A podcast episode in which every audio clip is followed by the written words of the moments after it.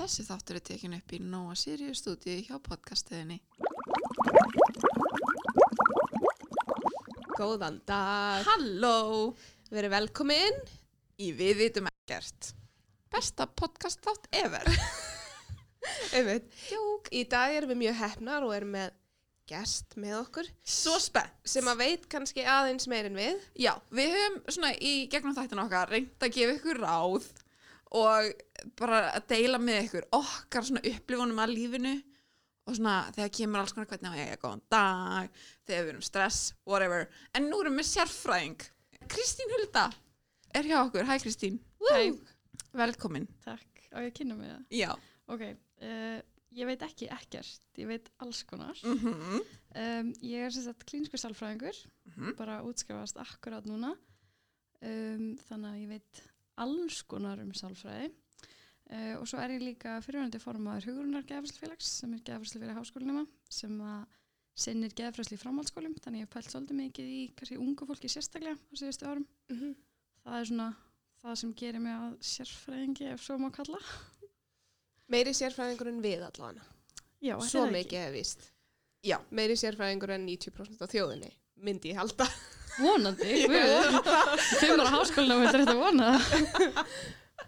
Þannig að, já. já, við ætlum að tala um alls konar, hvað segjum við, Skví, hvað vorum við að tala? Sko- skvísu, skvísu tips. Já, gælusálfræði var sem sjúklega til En það. okkur langaði bara, því að það er að koma sumar og okkur langaði bara best summer ever að þú veist, að það eru svona hvernig ættum að vera sjálfsörgar og bara vera svolítið, þú veist Sassy bitches.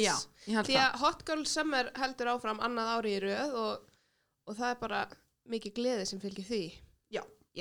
Pepp, eru þið með highlight fyrir vikuna? Og ég byrja. Já, Ég er svo sem ekkert með eitthvað crazy highlight. Ég fór í partí síðustu helgi og hjá frænkum minni og með sýstu minni og, og svona okkar fylgi fiskum. og það var bara ógæslega gaman. Það var fyrsta svona alvöru djammið fannst mér í mjög langan tíma. Þú veist, ég var í alvöru bara að fara að sofa um fimmleitið og það var frekar skrítið. En það var í mjög ónýtt daginn eftir en ég skemmti mér rosa vel. næs Endaði kvöldið alveg bara dansandi og eitthvað. Vá, Þannig að það er amazing, þannig að það er bara mitt highlight að drekka ógísla mikið. geggjað Love it! Kristín? Já, mitt highlight. Uh, ég held partí síðan selgi, fyrstu daginn sem þú komst í Mhm. Uh, það var þetta partí fyrir allar innhljöpu vinkonum mínar og sjálfur mig ég líka ljósi.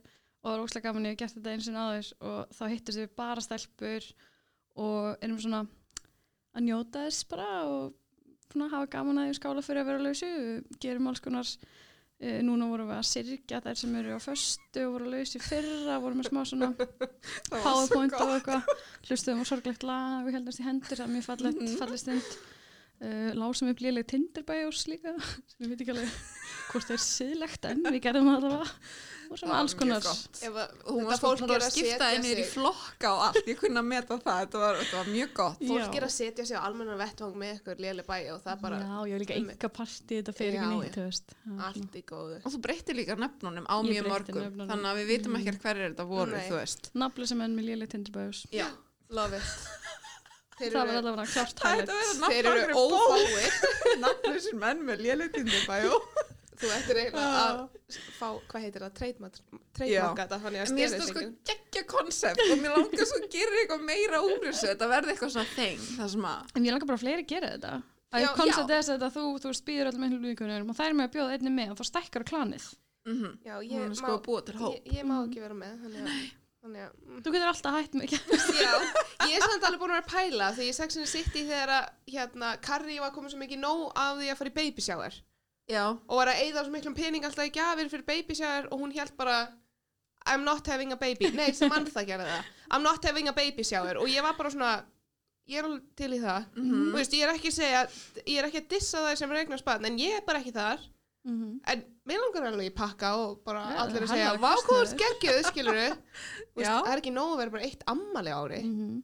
Nei, líka núna, það eru brúðkaup og skýrnir og babies og þetta er brjálega kostnaði fyrir fólk sem fær sér ekki tilbaka. já, nákvæmlega, satt Mm -hmm. er alltaf eitthvað Vá. að milli færa á eitthvað nú eitthvað ándjóks. Einhver ætti að gera eitthvað. Þetta er sko stóru búin að málin. vera að hneykslast svo á þessu svona í einrúmi en mér finnst mjög gott að vita. ég, ég, ég skal taka mér I'm not having a baby, sjá þér ok, og Er okkur búið þá? Já. Ok, nice. en nema séu með eitthvað leyndamál hérna sem þið ætla að uppljóstra er baby í malanum okkur Nei. Nei Já, það er ykkur bóðið Ok, yay! Þitt highlight Já, mitt highlight, uh, mitt highlight er að þessi vika er búin að vera mjög svona um, vinkonu vika. Já. Meikar það sens? Já. ég var mjög confused. Um, já, ég fór í þetta partí, það var úrslega gaman uh, og svo er ég búin að hitta vinkonu mínar mjög oft í þessari viku þannig að það er búið að vera gott svona bonding, bonding session þessa Já, vikuna. gott vibe Já, það er búið að vera mjög næs. Æði En frábært, ég er mjög peppi fyrir þessum þætti Ég líka að því að, og mér langaði kannski að byrja bara núna, að því að við Mhm. vorum að ræða þetta hérna en við kveiktum á mækanum að því það er sumar, Mhm. hot girl summer og allt það og það er alltaf svona trendy topic á sumrin að fara að tala um eitthvað summer bodies og Bikini body. Uh, þannig að mér langaði aðeins bara hvernig, þú veist um svona eitthvað body confidence eða bara sjálfsögur ekki almennt og hvernig maður gæti svona öðlasta eða el, elfta hvernig segir maður þetta? Ebla, ebla sjálf Já. sig Mm, sko það er ógislega, þetta er ógislega viðtækt dæmi mm -hmm. og svo stórt og það er hægt að vera með bara mjög mikið vandamál í tengslu við þetta. Um, það er almennt ekkert mikið talað um það í umræðinni en lágt sjálfsmat er eitthvað sem er bara ótrúlega algengt við meðferð við í, hjá sálfræðingum. Mhm. uh, og vantar svona svo kannski, þú veist, það er ekki klínisk greining en það er samt vandamál hjá mörgum uh, og ekki mikið rætt. Getur alveg komið fram í einhverju svoleiðis en líka bara þú veist, sem að flestir upplifa svona, verður kannski ekki alveg að Fíla sig fíla sig einmitt. og líka eins og núna það er eðlilegt kannski að fitnaði heimsfaraldri eða eitthvað, þú Mhm. veist, ekki verið duglega með rættina eða hvað sem er Mhm. uh, og það getur alltaf að fara illa í fólk og fólk getur illa með það um, þú veist, ég veit ekki alveg hvað sálfræðin hefur eitthvað endilega að segja það er meira bara svona með að það er orðin klínisku vandi þá er hægt að meðferða það og Mhm. ef fólk er með látt sjálfsmat eða skekta líkansmynd eða eitthvað svo leiðis, jafnvel með átrúskun eða eitthvað, þá er það náttúrulega bara vandi sem það er að meðhandla en þú veist, það verður það meira bara eitthvað svona sem ég er að tala um að minni persónulegu reynslu, þú veist, með að bara taka hlutunum og Já. lifa í sáttur sjálfan sig Mhm, og já. fókus á aðra hluti í líkamunum en eitthvað Ég held að svona þeir sem eru kannski ekki með einmitt svona stóran, svona alminnilegan klíniska vanda eins og þú Mhm. segir þú veist, fyrir bara svona meðal manneskinu sem er kannski bara einmitt ekki að fíla sig ég held að í rauninni það sem að hjálpar manni mest með allt saman er bara að vera að vinna í sjálfum sér og vera að gera góða hluti út af því að þú veist, þá eitthvað neginn byrja manni bara að líða betur með sjálfum sig. Mhm. ef maður liggur bara upp í sófa í svo kartabla alla daga þá einhvern veginn líður maður bara verð með sjálfa sig skilur algjörlega. og það er margt sem að þú tengist í líkansmynd bara líka eins og uh, samfélagsmiðla, hverjum er þetta að fylgja samfélagsmiðlum hvaða fyrirmyndir þetta þetta sjálfur og, um, og alls konar, ég er svona eins og fyrir mér persónulega, ég hef svona, ég látt svona tvö tímabild þar sem ég þurft að svona sætta mig við eitthvað líkamstótt þú veist, fyrst þegar ég er mjög ung og svona átt að maður ekki fitnað. Það þarf það er svona ákveði ferðlega að læra að taka því og læra að elska samt líka með sinn þá að hans mýgrina var þegar varst, ég veit ekki hvað gaman skilur og svo eða setna að ég er rosalega mikið í íþróttum og eða svona setna tímabilið mitt í svona að ná líkamsátt var eiginlega meira svona, heyrðu, já ok, ég er að æfa alltaf að verða stór. Já, ég er að fara lengra frá staðalímyndinni af einhverjum svona deinti lítilli konu já, og ég er að gera viljandi. Já, og ég vil það en það er samt getur verið smá erfitt veist, þetta er af náttúrulega tvær að- hliðar á teiningnum já, af því að það er ekki innan gæsalappa. Já, þú veist, ég er aldrei að fara að vera með eitthvað lítið mitti að því ég er bara með ósum mikla maga við það í mittinu. Og ég er, þú veist, ég var að láta stækka útskriðu minn sem ég notaði september síðast af því að ég er bara búin að fá stærri hendur og ermarnar fyrir hendurnar voru bara þröngar. ripped. Bóksala. Ok, Ég tengi ekki við það en ég er þú veist, það eru marga hliðar á því að ná líkamsátt og mér er Já. umhverfið finnst áhugavert fyrir mig persónulega líka þegar ég er í sálfræði, ég er að pæla mikið í alls konar svona líðan og eitthvað. Mhm. þú veist, svona persónulegt fyrir mína vegferð bara, já, ok, hérna er ég á setna tímabilinu minni að ég að ná okkur líkansátt og það Mhm. er allt öðru meði, þú veist, ég er í ótrúlega góðu formi og er ótrúlega sátt með líka minni rosalega mörgu leiti, ég er rosalega ána með hann en það er samt líka einhvern veginn svona, já, ok, ég er að stækka viljandi. Já. En hvað hefur þá gert til þess að veist, komast að jákvæðu hugafari varðandi það því veist, það er ekkert allir kannski endilega sem að þó að maður æfi og eitthvað til þess, Mhm. þú veist, að líða betur bara andlega, Mm þá er þú veist kannski ekki endilega flesti sem að svo hætti þó að þú sé, meira eins og með mig þú veist, í fyrra þegar ég byrjaði að fara í rættina þá var, var ég að gera það til að líða betur andlega, Já. en það var samt alltaf aftast í hau- hausnum á mig bara eitthvað ok, ég ætla líka að vera með aðeins þinnari ras og vera með mjóri maga og bla bla bla. En ég, Mhm. þú veist, þó ég væri í rauninni alltaf, já ég er að gera þetta til að liða betur þú veist, Já. maður er samt alltaf ég vil vera hot. Einmitt. Ég held að það sé bara lang flestir og erfitt að komast hjá því líka bara í umhverfunu og ert í rektinni Já. skilur það er einhvern veginn sem margirar af bara þeirri ástöð um, sko ég náttúrulega glimta eiginlega að kynna það ég er líka jógakennari og það hefur gert rosalega mikið fyrir svona tengst andlegleirinn og líka mjög mér að það er rosalega mikið að vera allavega eins og ég lærði jóka, ég lærði í Indlandi og það er svo mikið að vera að æfa þakklæti og þakklæti fyrir líkamann sinn. Og ég var alveg tekið svona tarnir þar sem ég svona aktíft vinn í því að vera þakklætt fyrir líka minn bara eins og hann er. Og sérstaklega með það því ég er sterk og er að æfa mikið þú veist bara eins og núna í mæ þá var ég búin að vera smá svona ég var búin að æfa miklu minna, mér gekk illa að æfa í COVID, mér var Mhm. sleiðilegt að æfa eitthvað ein með einhverja bjöllu heimja mér og mér lila aðstöð uh, var líka skræða mistarirgerðina mína og var að borða bara miklu óvæðlega en ég borða vennilega bætti á mig einhverjum kílóum skilu sem er alltaf góðu, ég er mjög svona minnst ekkert mál að taka því bara mildi ef ég er í þannig aðstæð Já. í fitness skilur, það er líka bara æfingu sjálfur sér að svona sína sjálfur sér kallum þetta svona self-compassion eða sjálfsmildi. Þannig að bara, þú veist, og það er alveg æfinga að ná því en ég er búin að ágætt sögum á því en samt sem áður í mæ þá setti ég mér svona markmið um að fara esunni upp að steini á hverjum degi og ég gerði það og það var. Já. Það var hella, það var ógeðslega vond og mér var alveg illt í fótunum í einhverja daga og bara það var ógeðslega erfitt en þú veist, þetta var allir fyrir mig miklu meira andlegt því ég var bara hverjum degi bara, vá, hvað líka minn er magnaður bara, ég Mhm. trú ekki að ég geta þetta aftur og bara á 15. degi, bara, oh my god, þetta er 15. skiptið mitt í mánuðinum hversu geggjaður líka minn, skilur Já. skýtt með þá ég sem er stóra axlir eða búin að bæta Já. um 5 kíló með eitthvað hversu geggjar líka minn, Mhm. skilji þannig að það var bara svona æfing fyrir mig og svona gaggjart setti mig í aðstæðar þar sem ég vissi að ég myndi hugsa mikið um hvað ég var þakkað til líka minn Já. það var alveg hægt að, þú veist, ég mitt bara svona æfa sér hverjum degi, reyna að hugsa almennt jákvæmt um líka minn sem svo líka hægt að fara í eitthvað svona stífara prógram til að vera þakklæði fyrir líka minn það þyrfti ekki að vera einhver svona brjálu hreyfing Mhm.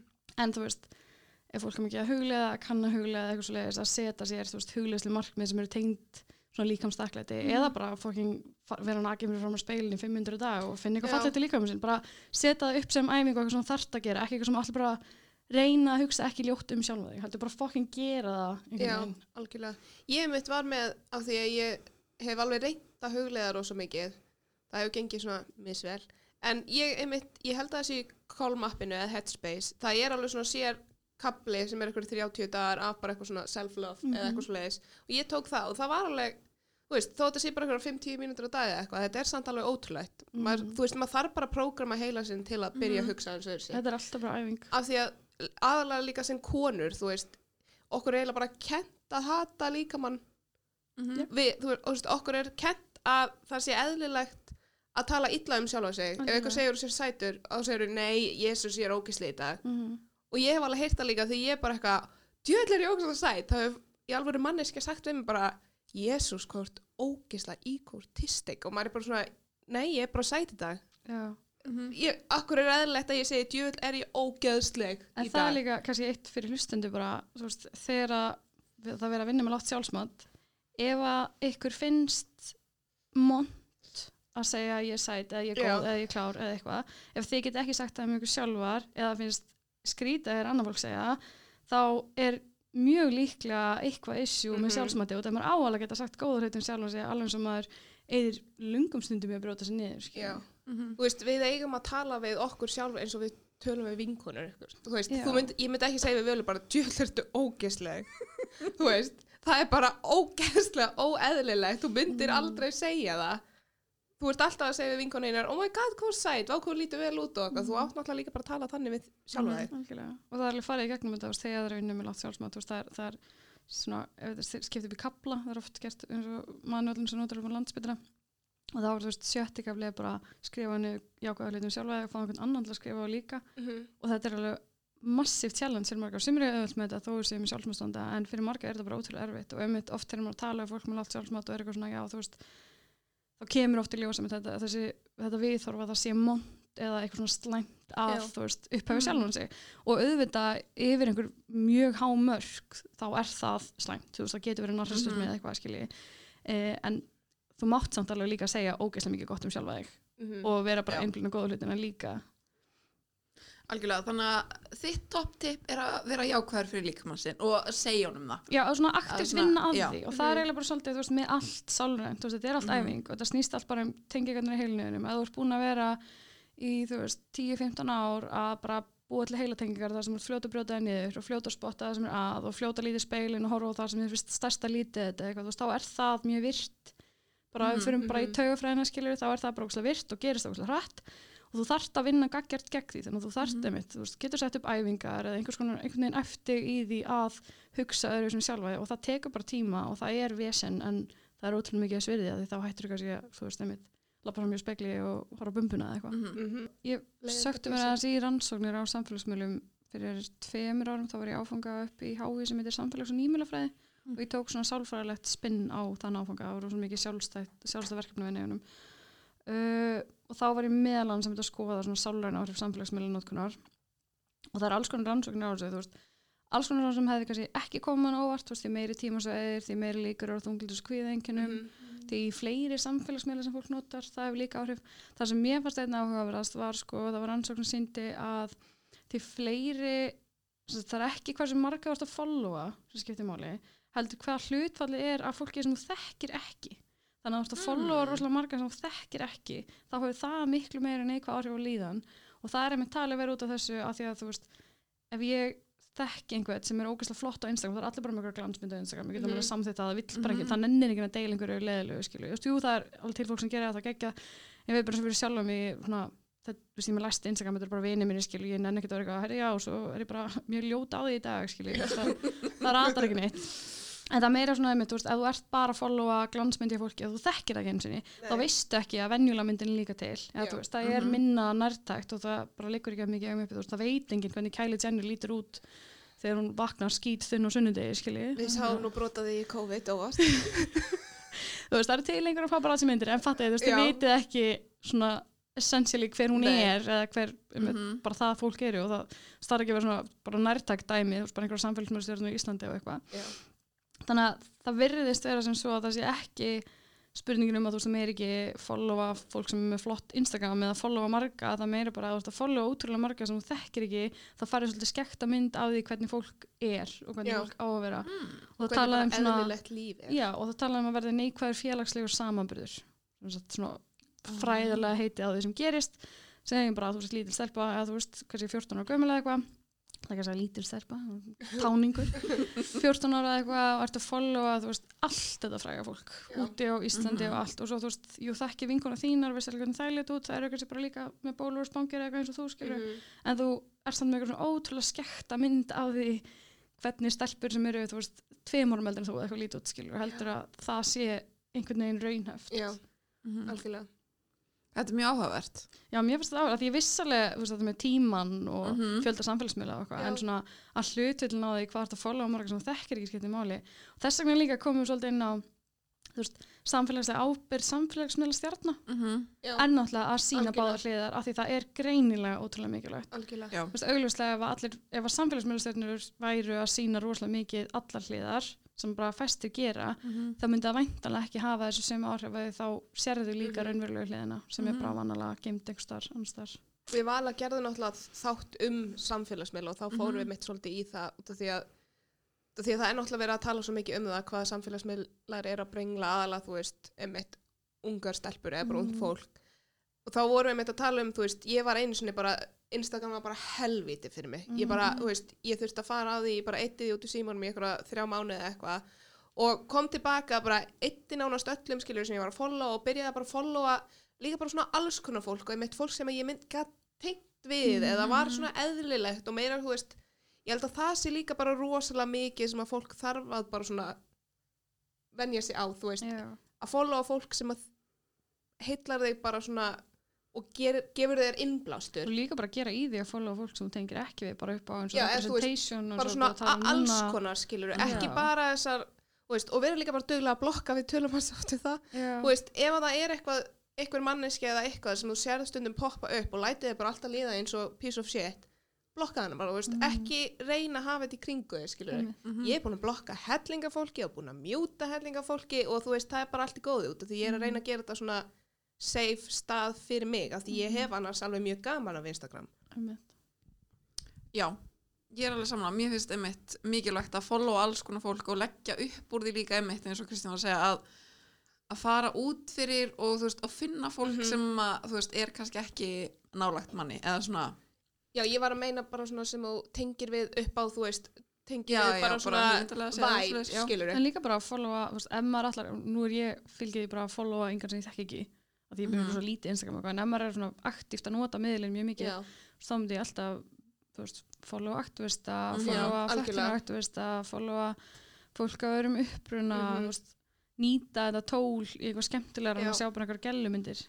já, samála En svo að því þú sagði, þú veist, að þú hefur eitt Instagram og eitthvað svona, og þú varst líka að tala um huglustun aðan, uh, ég var náttúrulega að pæli áður en ég komin að, að þú veist, eins og með huglust til dæmis, það er Mhm. ógslag oft talað um huglust eins og þetta sé eitthvað svona sem allir eiga að vera að gera Mhm. um, það er eiginlega bara með sálfræði almennt og með svona líðan almennt mér er alltaf gott að líta á þetta bara sem tól bara að þú Mhm. safnar að fyrir tólum, þú læri kannski huglislu þú veist, áttar á því að það er gott fyrir andlega líðan, hreyfa sig Mhm.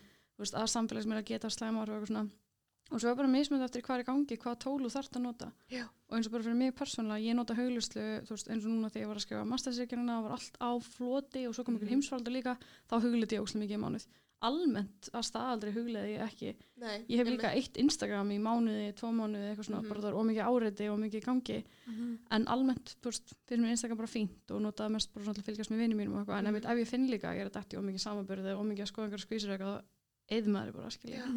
Mhm. Það er líka svolítið það bara með sálfræði, svona líðan almennt. Þetta er ekki endla spurning um að finna eitthvað tól sem þú þarft alltaf að nota, heldur bara að vera með verkvarkistu sem Mhm. þú getur leitað í. En mér finnst líka, þú veist, einmitt mikilvægt að sapna sér upplýsingum og finna svo hvað, þú veist, virkar fyrir þig. Já. Af því að þú veist, mér finnst eins og oft eins og hugleisla tók tímabil og jóka líka einhvern veginn Mhm. það sem var svona hot þú veist, það voru allir eitthvað að jóka því það átti að vera svo geggja og þú veist, að drekka grænan safa og eitthvað, Já. þú veist, að því það var svo gott fyrir sálina og eitthvað svona sem að, Mhm. jú, það er öruglega að, þú veist, e- miklu leiti en þú veist, það virkar samt ekki fyrir alla. Það er ekkert sem virkar fyrir alla. þannig að mér til dæmis finnst mjög leiðilegt í jóka.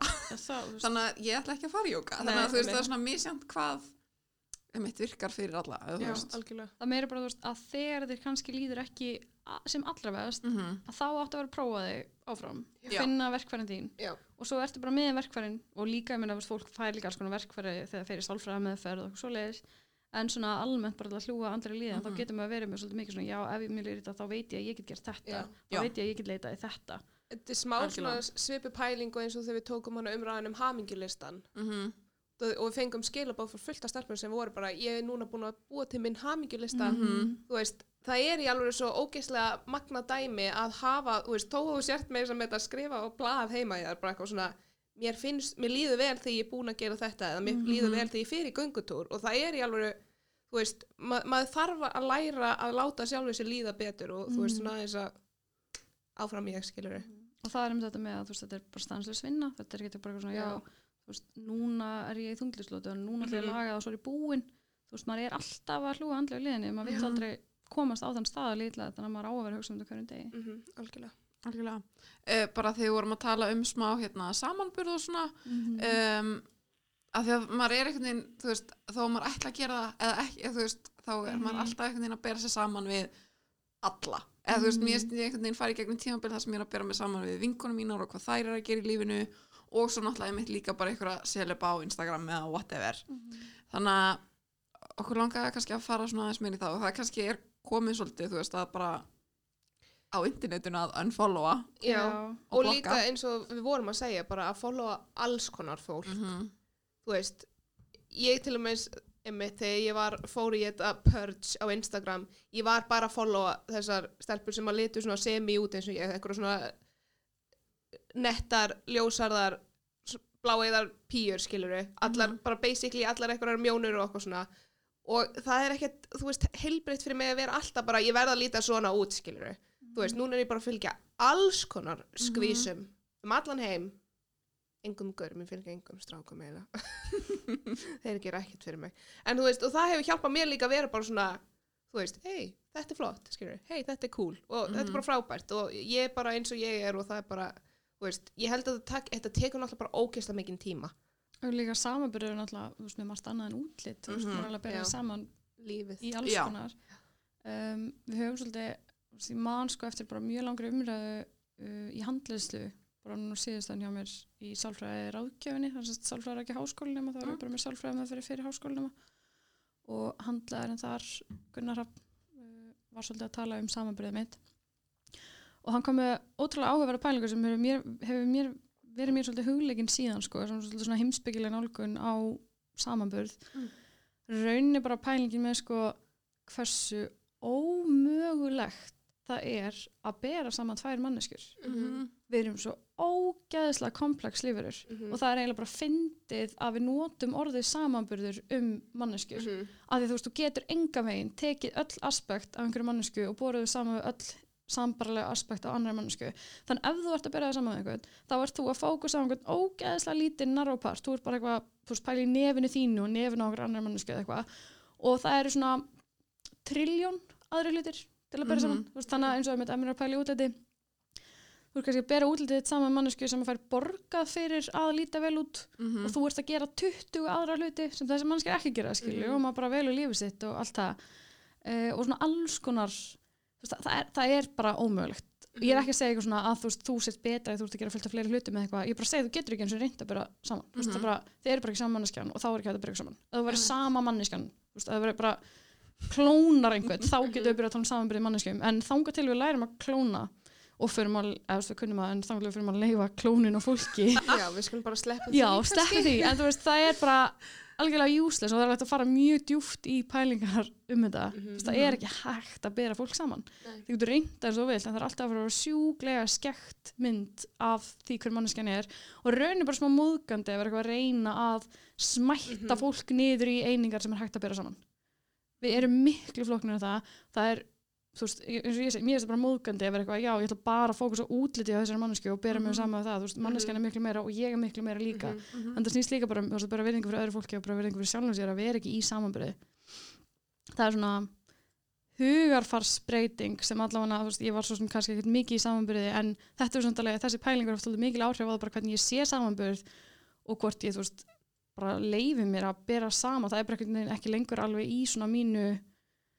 sé og veist, að það ekki minni kistu, þú veist, Mhm, að mhm. bera mig saman með annað fólk eða bera fólk saman, mér finnst það bara ekki passa lengur Mhm.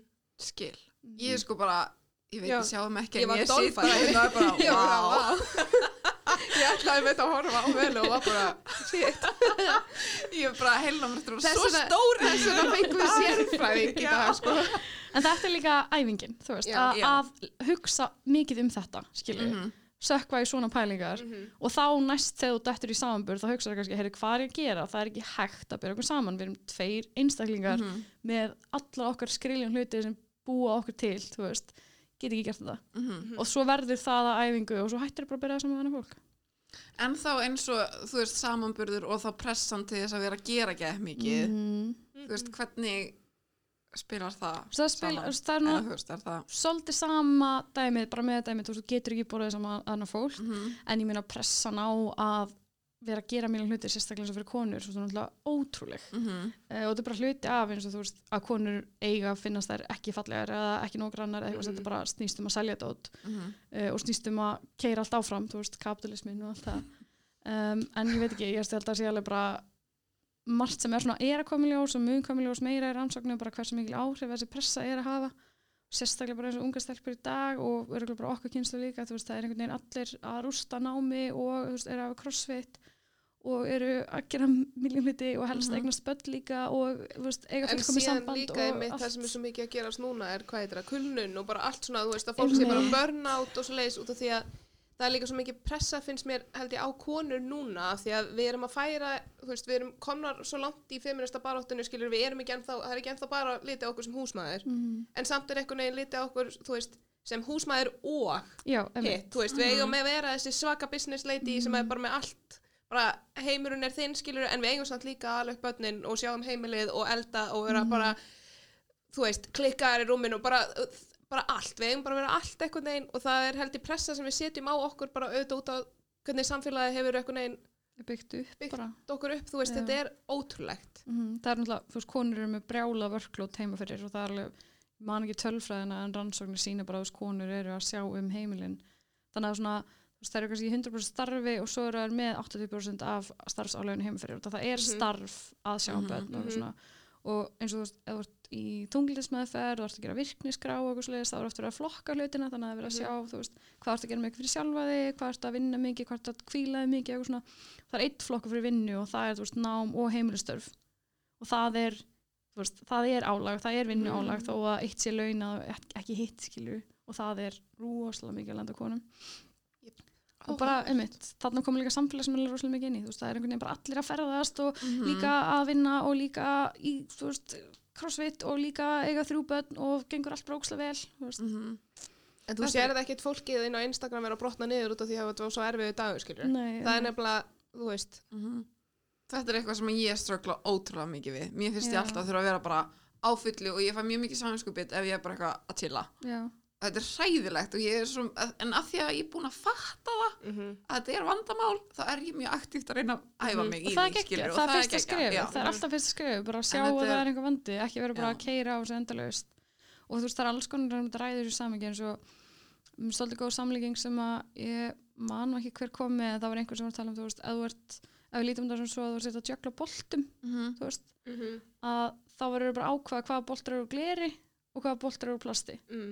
þannig að þú veist, kannski eru börni í glerbolti þú vilt Mhm. alltaf vera geggjum mamma Mhm. en vinnaðin var plasti, skilur, hún mæti bara sem afgangi eða mæti rektina, bara plastbolti Love láta þetta í it. gólfið Þetta er geggjað. um, Vá.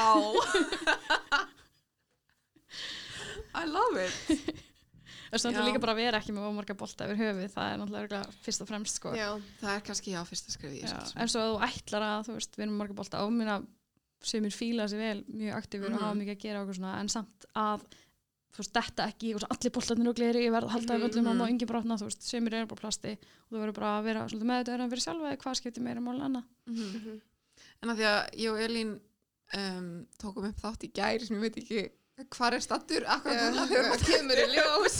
en þá vorum við að ræða þú veist, þar inni vorum við að ræða um svona bara adulting og svona, þú veist, erfitt að vera fullorðinn og einmitt út frá því svona svolítið samanburð, þú veist, eins og þú veist, að velja sér sína eigin leið. Já, og þú veist, að því að mér veist, einmitt pressa einhvern veginn á því einmitt að eigna spöld mm. og það sé eitthvað svona end all, be all eitthvað Já. fyrir ungar konur að eiga að gera það og gera það snemma, þú veist, og vera Líka, þú veist, eins og ég, ég er í rauninni innan gæsalappa rosalega eftir á, skilur ég er ekki eins og fokkin student og þú veist, ég fór bara alltaf bara út af því ég var líka bara að díla við mjög mikil geð vandamál, þannig ég þurfti bara svona aðeins að sveigja, skilur og ég er alltaf svona, ég tek svona köst þar sem ég er að vera rosalega vondu sjálf með að vera ekki komin þar sem vinkonu mínar eru. En, en ég er alltaf að reyna, þú veist, af því ég er líka alltaf að prýtsa eitthvað, okkur er ekki öllum ætlað að fara sömu leið í lífinu. Mm.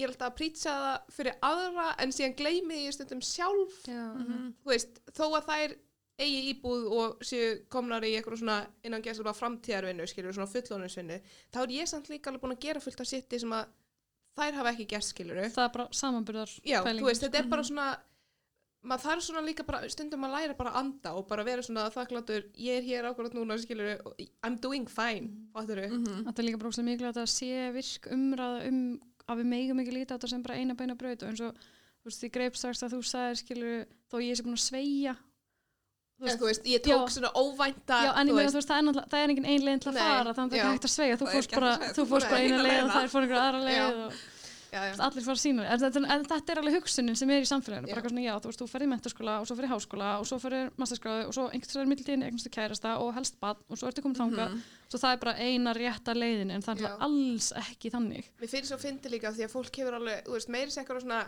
vinkonur sem að, veist, meiri sér er að læra sálfrá og svona sem eiga að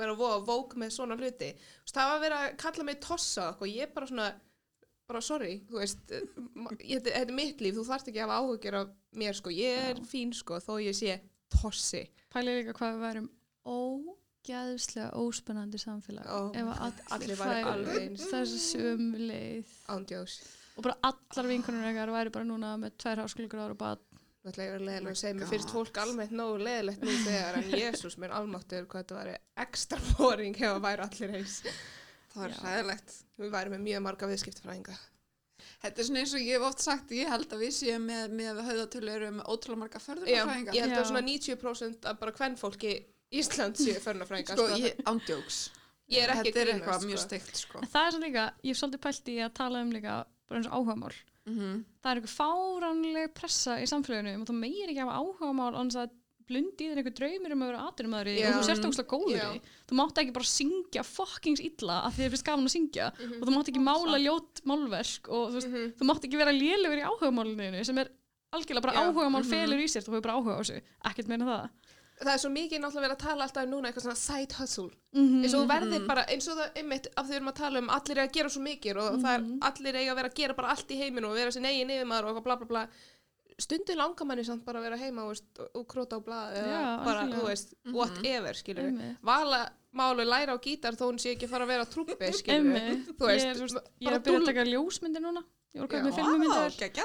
og ég, þú veist, það var alveg svona þegar ég var svona pæli þessu var eitthvað svona, já, þú veist vinkunum minna sem kunna að taka myndir það er sem bara að taka myndir í tíu ári eða eitthvað ég, veist, ég er alltaf að vera lélega myndir ég er bara að vera með heilu ljóti sko, filmundar og framkvæmlun og eitthvað Mm. og svo var ég bara eitthvað svona, já, en nákvæmlega, algjörlega þú veist, það er ekkert slemt við það það er Nei. bara hluta ef, það gerir þig líka hamingju saman það er eina pointið í að vera með hobby Ég veit það, en þetta er svo, þetta er svo mikil afbökun sem hefur orðið svona bara yfir tíma á Já. bara hugtakinu áhugamál, þú Já. veist.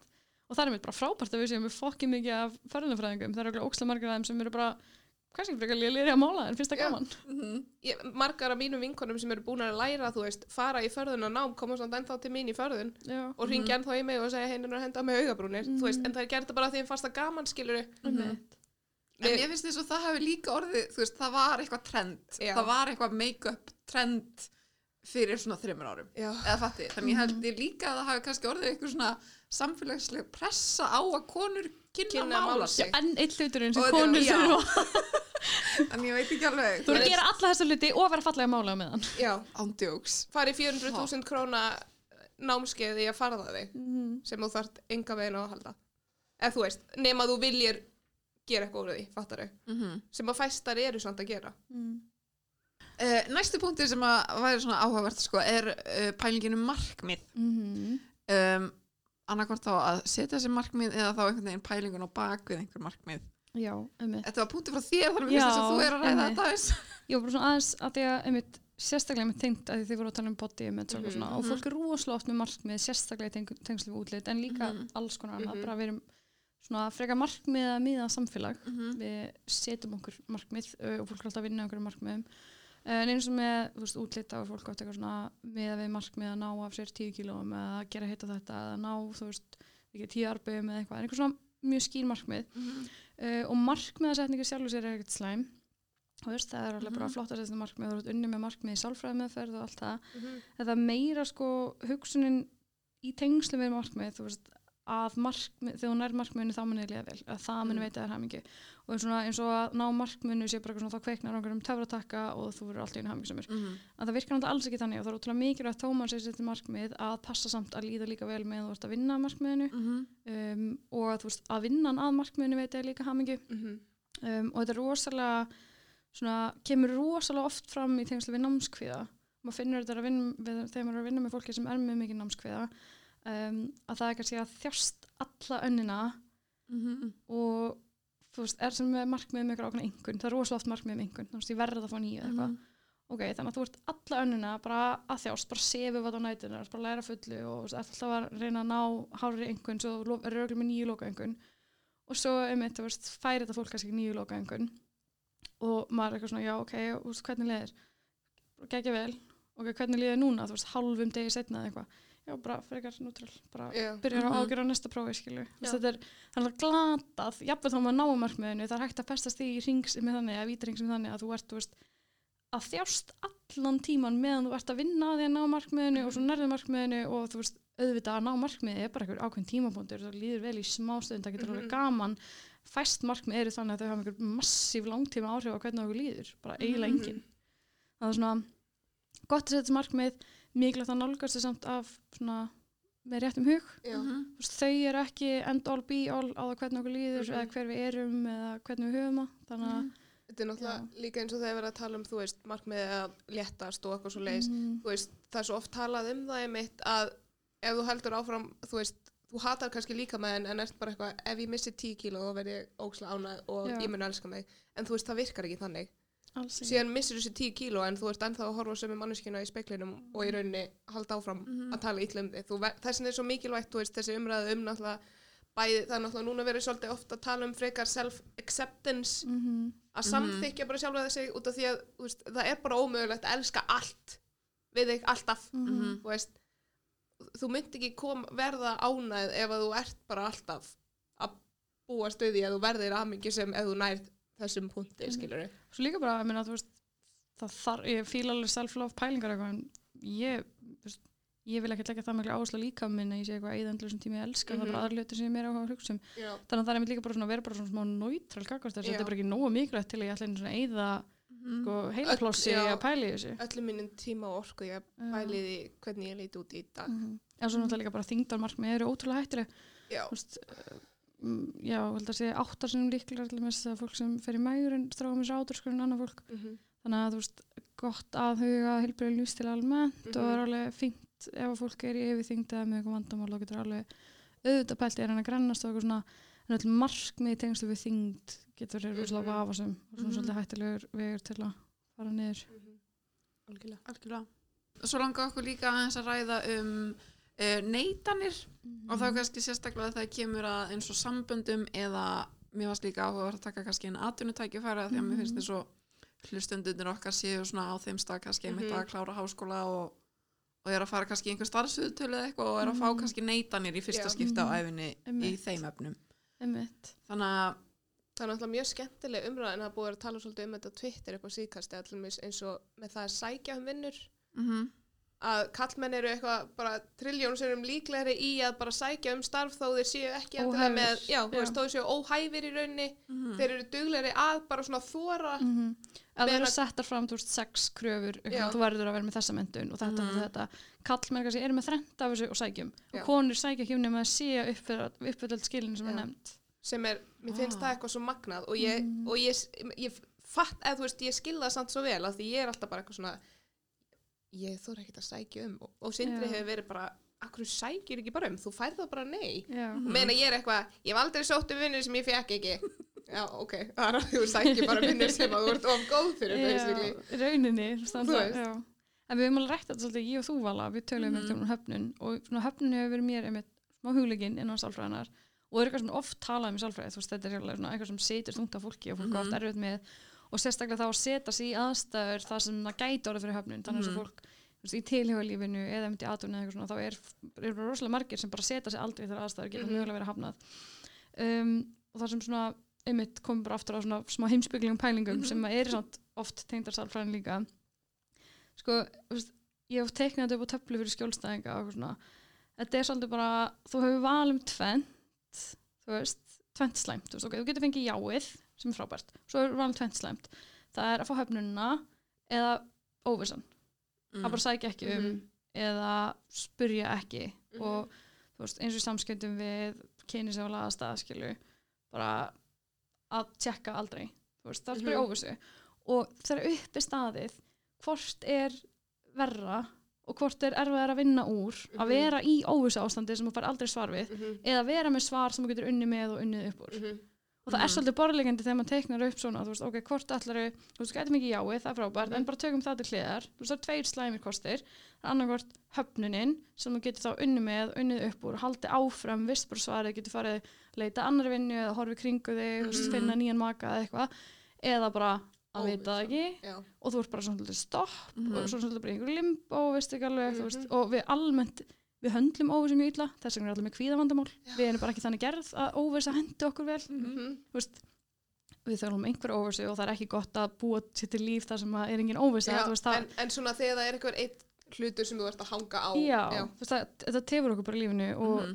mjög svona kvíða valdandi til lengri tíma þannig að það, þú veist, þegar upp er staðið þá er miklu betra að fá bara neið og geta unni með það Já. og líka það sem mikilvægt að læra að takast á í höfnun Mhm. og læra um eitt hvernig vinn ég með það þegar mér er hafnað hvað er best fyrir mig að gera og þá Mhm. um eitt kunna á sjálfu sig, kunna Mhm. líðanina því kannski líður mann smá illa en það er allavega bara eitthvað að vinna með það er ekki bara ég veit ekki hvort mér er bara líða illa eða vel eða eitthvað en ég er ekki að setja mig þar aðstæður að koma staði heldur Já.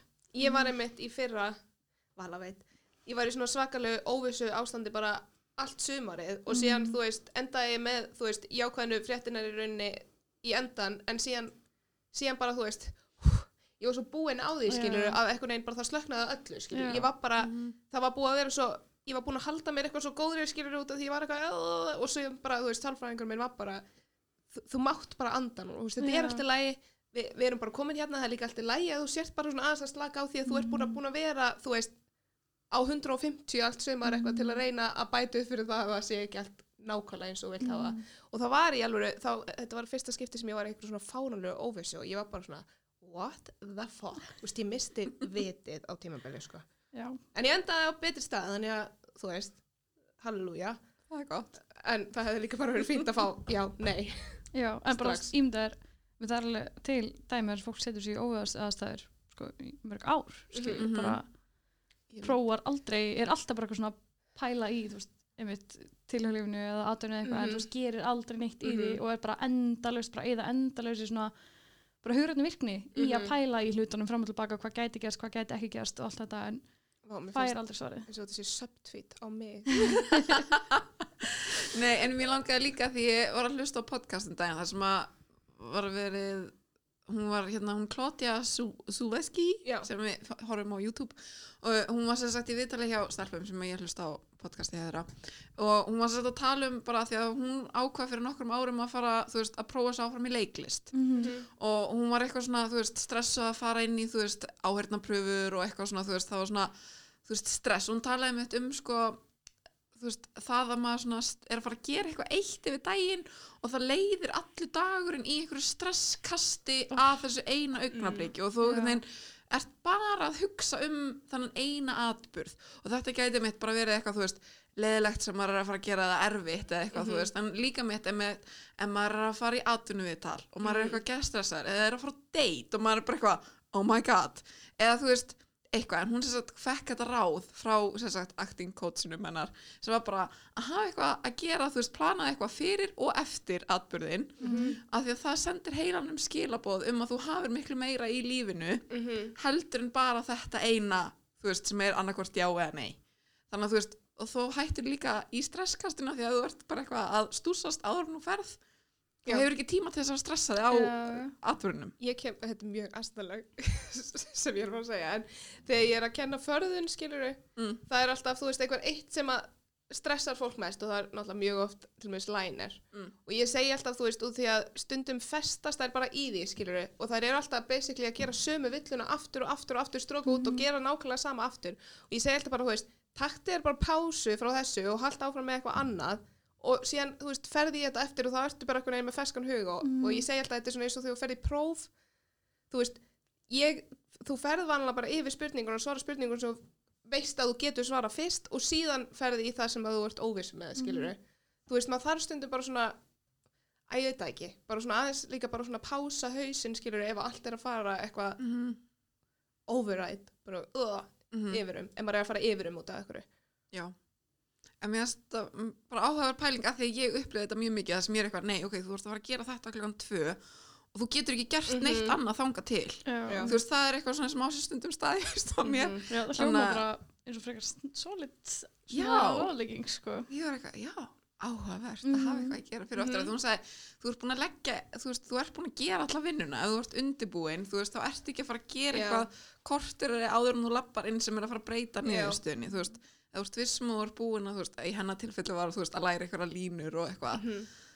þú veist, ef þú ert búin að því, þá getur einhvern veginn bara, þú veist, þá ertu bara að fara inn og gera þetta besta og, Einmitt. Og svo þetta líka bara, þú veist, svona endurtekning. Þú veist, ef þú Mhm. ert eins og aðtunum viðtala að deyta eitthvað um leið og ert búin að gera nú anskutu oft, þá er það bara ekki lengur erfitt. Mhm. Svona, það er, þú veist, eins og um fólk með kvíðavandamál, hvort eitthvað sérstöku, og þá snýst það allt bara um að gera það samt, Mhm. Mhm. ná að gera hægt og rólega. Ef fólk er með eitthvað vægan kvíðavanda, þá getur það alveg gert það sjálft. Eins og til dæmis bara ef það er einhverja félagslega aðstæðar sem valda fólki miklu kvíða, þá er alveg svona hægt og rólega hægt að fikra sig áfram í að fara í þar samt og gera það reglulega. Mhm. og veit eins og bara fyrir sjálfa mig veist, ég hef aldrei verið neitt sérstaklega kvíðin uh, en samt bara uppleiða það svona á síðustu árum að losna algjörlega við einhvern kvíða við eitthvað Að í hugurunu og geðfræslufélagi háskólinema þá eins og segja förum við í framhaldsskóla og höldum fyrirlestra Mhm. um geðhelsu og geðhelbreiði fyrir fyrsta ásnema Mhm. og ég var að gera þetta, félagi að stopna þegar ég var að klára fyrsta ári í sálfræðinni. Þannig ég var í þessu bara sleitulöst í fjögur ár frá því að var stopna þá ætla ég útskrifast núna. Og fyrst var náttúrulega erfitt að halda fyrirlestra alltaf erfitt, það Mhm. stendur fyrir fram að 30 úlinga, skilji úlingar eru svo skeri þannig að stendur að 30 Já, einmitt, stendur fram 30 úlingar bara býða eftir að henda ekkjum í þig og svo, þú veist, gerði ég þetta bara nú ógæslega oft. Mhm. og svo fattaði ég allt í henni bara eitthvað svona herri, já, þú veist, þá var ég farin þú veist, einhvern tímann þurfti ég að halda fyrirlestur fyrir allan skólan og eitthvað svona, þú veist, bara eitthvað svona fánulegum aðstæðum, þú veist, ég held ekki fyrirlestur fyrir alla í FBA og það var skildumæting og fullt af fullorðinu God. fólki og ég var bara eitthvað svona þetta er ekki ideal aðstæður Mhm. en þú veist, og eitthvað svona f- á sviði í hátegisli í Flensborg þar sem enginn sem ég nennar hlusta á þig og alls konar aðstæður en þetta var í alveg hægt að valda með kvíða og það var ekkit, þú veist, þetta var ekkit stórt vandamál fyrir en ég var bara svona algjörlega neutral ég get bara haldið geðfræsli fyrirlestur hvað sem er, hven sem Mhm. er, fyrir hvert sem er og það er bara því að ég er búin að gera það nú Mhm. ógeðslega oft það var mjög svona áhugavert að finna það á sjálfur mér hvað er virkilega mjög, skila ég er mjög hrifin af fake it till you make it pælingunni. Ég er, ég er svo mikið þar veist, út af því að ég er náttúrulega ég hef talað eins og ofta með þetta. Ég er kvíðasjúklingur og ég er félagsfælin og ég er með alls konar, þú veist, ég er alveg ónýtt djók, en þú veist fólk hefur oft sagt við mig þegar það fréttir það að það er bara eitthvað svona what við, mér hefur aldrei dottið í hug og ég er bara svona, já ég er bara búin að, þú veist, ég komið það langt að ég er bara svona mér líður ógeðslega illa okkur út núna en ég ætla ekki að Mhm. láta þið sjá það og ég ætla samt að reyna bara að gera mitt besti í að vera að njóta þess samt að vera einna, skilur við. Mhm. Algjörlega. Maður þarf bara, þú veist, þú þarf bara að gera það. Já, það er einu sem virkar Þú veist, eins og því ég hitti völu í fyrsta skiptið, þá var ég hérna alveg að drepast innan um fullt af fólki og ég var bara shit, shit, shit, shit og ég sá hann bara sitja einn og ég var bara, ok, hún er ein, skulum bara vera einar saman, þú veist, Mhm. það var ógeðslega stór skref að mæta í fyrsta skipta okkur fólking bloggara í vend, þú veist, ég var bara eitthvað, hvað, þú veist, tengi ekkert veta fólk og ég mun bara vera eitthvað algjör skerpið en ég mætti bara og síðan, þú veist, var þetta bara svona, það er orðið fyrir auðvelt fyrir mig núna að mæta okkur svona sitt að því ég er búin að gera það svo oft og ég veit að ég geta alveg alveg og ef að ég er ein eða mér líður illa, þú veist, þá allan að mætti ég og ég get þá bara farið fyrir eitthvað, Mhm. þú veist, en ég þorði allan að mæta sem er eitthvað sem ég þorði aldrei að gera og það líka bara einmitt, að vera viðbúin fyrir það eins og kannski eins og með date eða aðtunum til eitthvað. Mhm, fyrstu fimm eða eitthvað sökka kannski bara. Mhm, en þú veist bara það fyrirfram, þú ert að æfa þig í því að fá þjálfun í þessu og verða vannur og verða minna Mhm. kviðin skilur þannig að kannski ferða bara á þrjú ógeðslega date, alveg bara svona sögubókarlega léleg date. En þú varst viðbúin fyrir það út af þú ert bara að æfa þig og svo veistu að vera betra. Já. já, algjörlega. Akkurat. mikilvægt að hafa það En í mér huga varst líka. líka mitt í, bara í tengingu við neytanir að því að, að það spratt upp umræða í partíinu hjá þér Mhm. og, og það var einn sem að mér fannst hún kom með svo góða pút hún var bara eitthvað, þú veist, af hverju erum við eitthvað að þykjast vera Æ, hún tala um þetta sem bara út af vináttu, þú veist, Mhm. af hverju ekki bara senda þessa stelpu?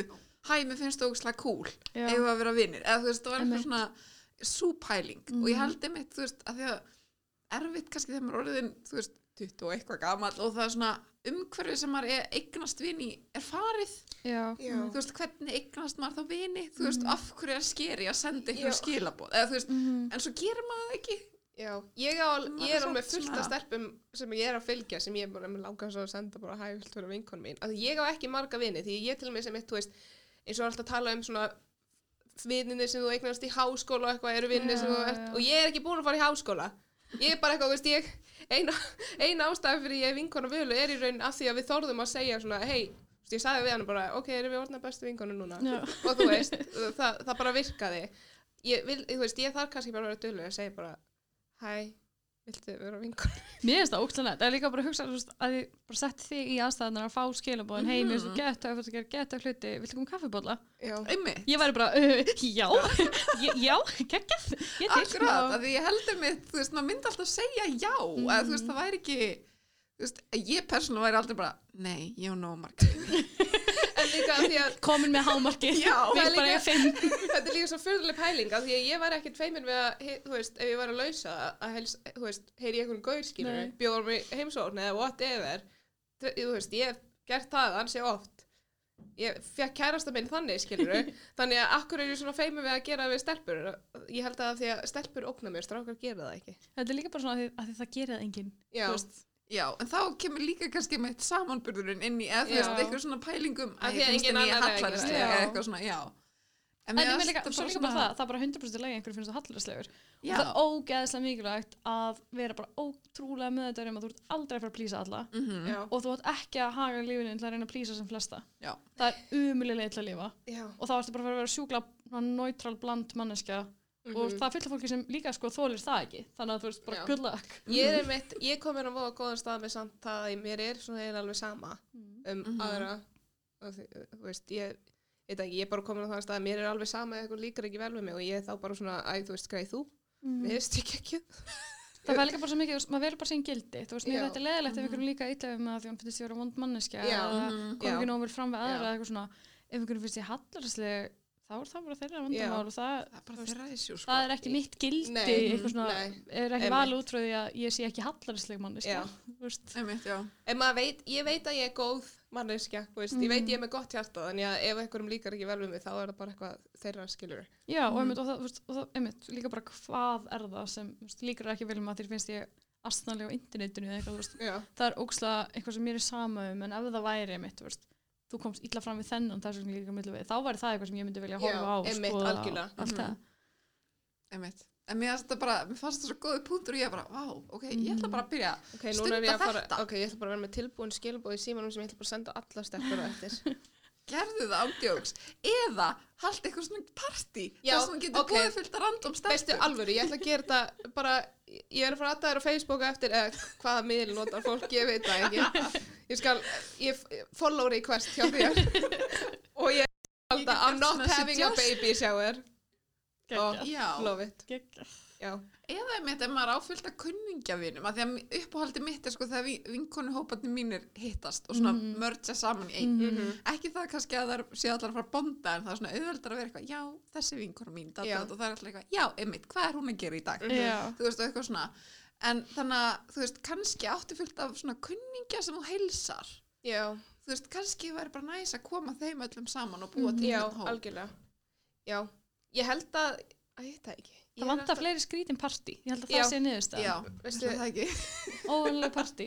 Já, mér, lí- mér líst mjög vel á þetta að ég er endilega til í að fá sem flesta stelpur og reyna að finna eitthvað fólk sem er líkar vel við. Samt, ef þú heldur svona not having a baby shower, þá vil ég samt að sé svona píkukaka með batshaus að koma oh my út úr. god, í alvöru. ó, Ó, já, vá. oh, terrifying um, en við erum að nálgast endalókin á sem já. þætti hjá okkur í dag og, og Kristín ætlar að deila með okkur einhverjum svona top tips Top tips. Ok, kannski ekki beint tips þannig. Það var meira Mhm. bara svona útráðið sem við erum búin að tala um. Það er nokkuð hluti sem langaði að benda á sem fólk getur nýtt sér sjálft. Um, og það er ótrúlega mikið af úrræðum í búið sérstaklega á netinu sem Mhm. er hægt að nýta til að hlúa sjálfum sér eða svona læra betur sjálfum sér. Uh, fyrir fyrsta lagi mæli ég með að þið farið á síðu hugrunar gefslufélag sem er Mhm. geðfresta.is og renni þar yfir úrræðin það eiga allir að þekkja helstu úrræðu gæðurinn vanda það er alls konar sem að þú veist, maður kannski áttur sig ekki endur- endilega eins og á að sé eitthvað að leita sér aðstofa við en Mhm. er hægt að fá meiri hugmyndum með að kynna sér svona mál aðeins um, ef að fólk er með látt sjálfsmat tengdu við eitthvað sem var að tala um þar sem ég fór nú ekki sérstaklega vel í en þú veist, geti komið fram í svona erfileikum með að tala vel um sjálfum sig. Mhm, geti komið fram í rosalega mikil fullkomnur áratu líka. Mhm. getur líka komið fram í bara kvíða eða þunglindi, þú veist, oft er grunnurinn að því eitthvað látt sjálfsmat, en allavega ef þið tengi við að hafa eitthvað pælt í látt sjálfsmati er til rosalega góða bækur um það. Um, ég myndi mæla með bók sem heitir Overcoming Low Self-Esteem eftir Melanie Fennell okay. hún er í rauninni bara hugrun aðtallismeðferð við lágu sjálfsmati en sett upp eins og sjálfsjálfa bók sjálfsjálfa bækur er náttúrulega alls konar sumur eru Mhm. hörmulegar, sumur eru mjög góðar þessi er bara sálfræði manjóll ótrúlega góður og settur upp á mannumanni